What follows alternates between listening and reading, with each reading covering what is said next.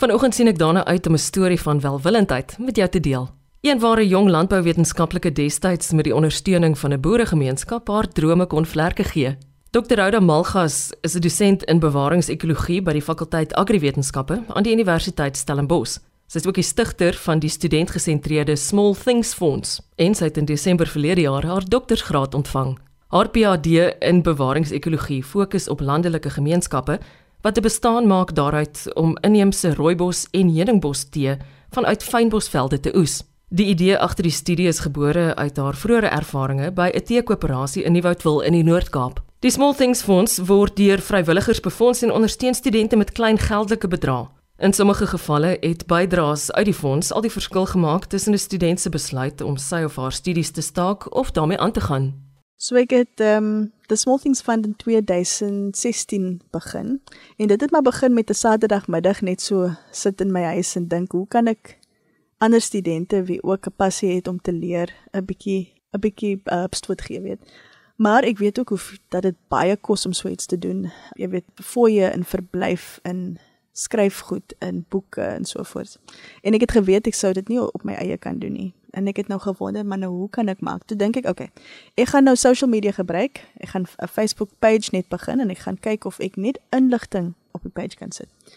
Ek het baie mense gehad wat gevra het, jy weet, hoe maak ek as ek wil registreer? Ek wil 'n fisio word. Hoe kan waar kan ek gaan studie en so voort? En ek het nou die op die Facebook page gesit.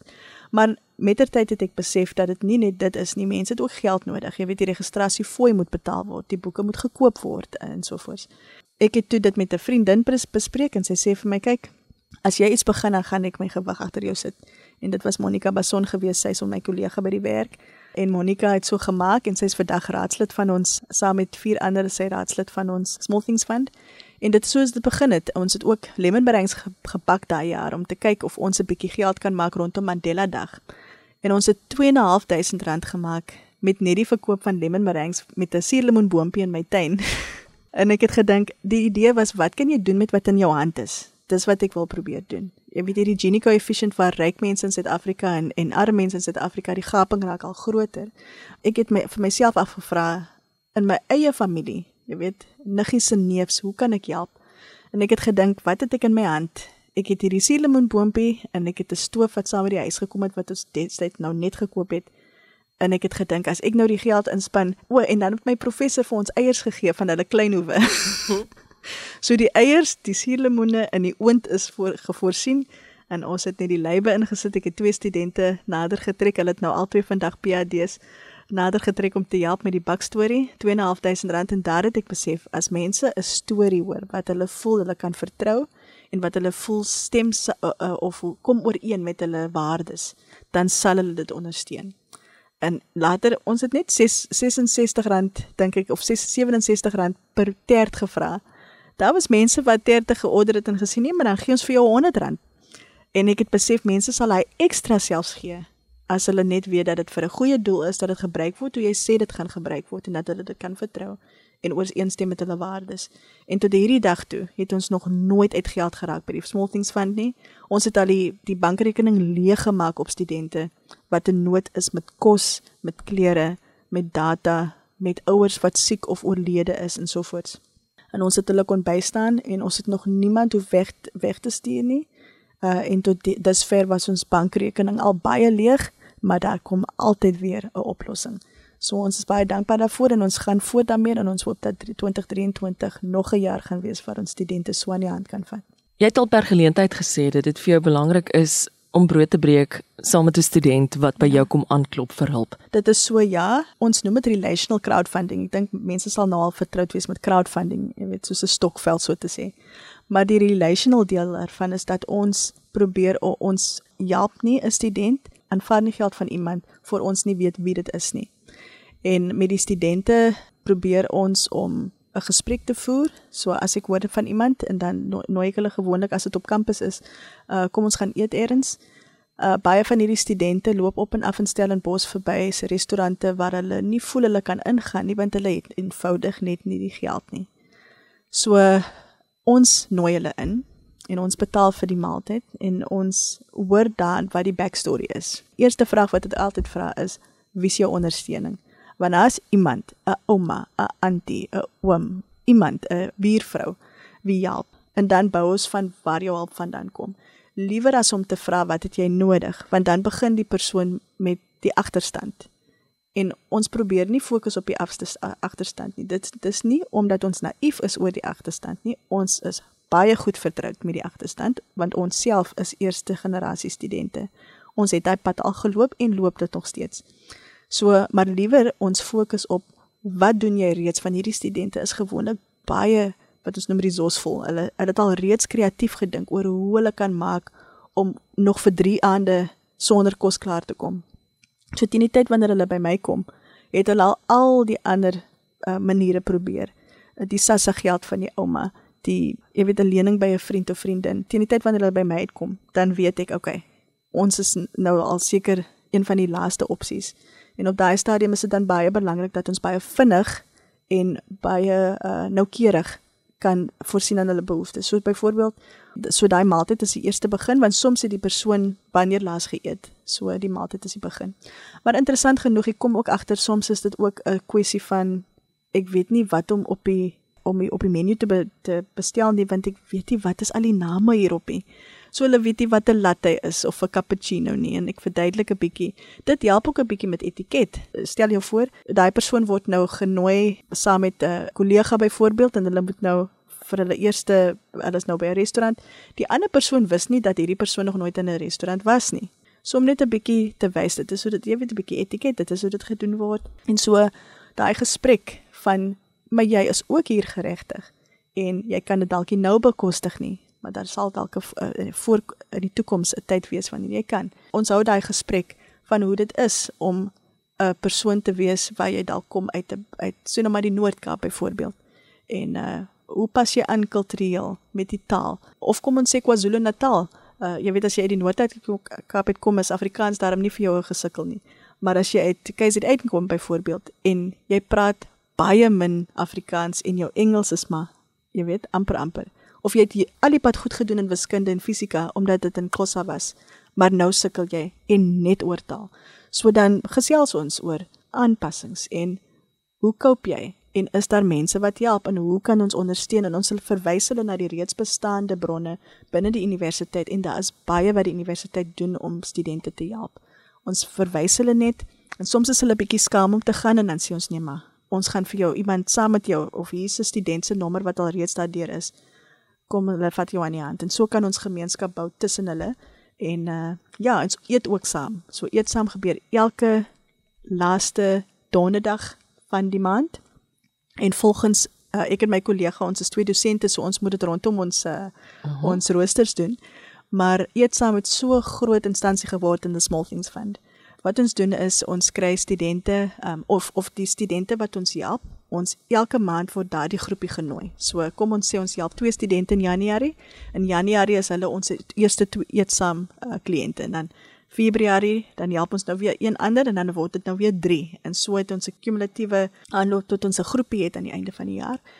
Maar wat ek daar agter gekom het is dat hierdie gees van gemeenskap daar regtig waar posvat studente gaan na die Co-Create Hub toe. Dis ons uh, ons vernoot die afgelope jaar en hulle hulle daar uh, klein besighede, mense met klein besighede wat kos voorberei teen 'n baie billike prys.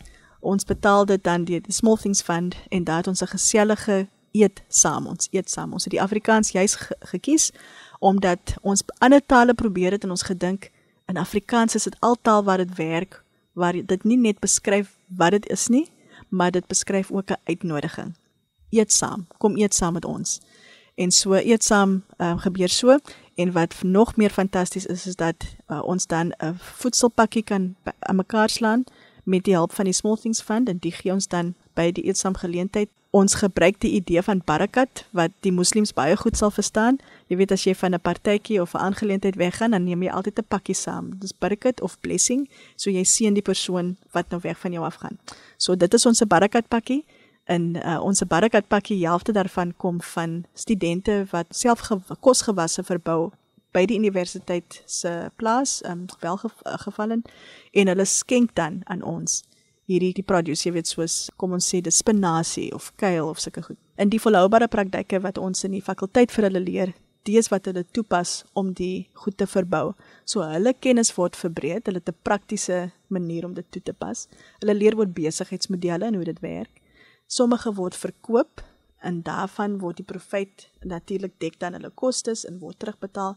Die res gaan na die Small Things Fund en so help daai groepie studente, hierdie groepie studente dit vorm netwerke, dit vorm geleenthede om te celebrate, jy weet, as 'n Nasa verjaarsdag is en pak Monica 'n koek en ons almal deel die koek en almal sing happy birthday en dis 'n baie lekker gesellige tyd saam. Wat is die ontmoetplek tussen die Small Things Fund en die studente?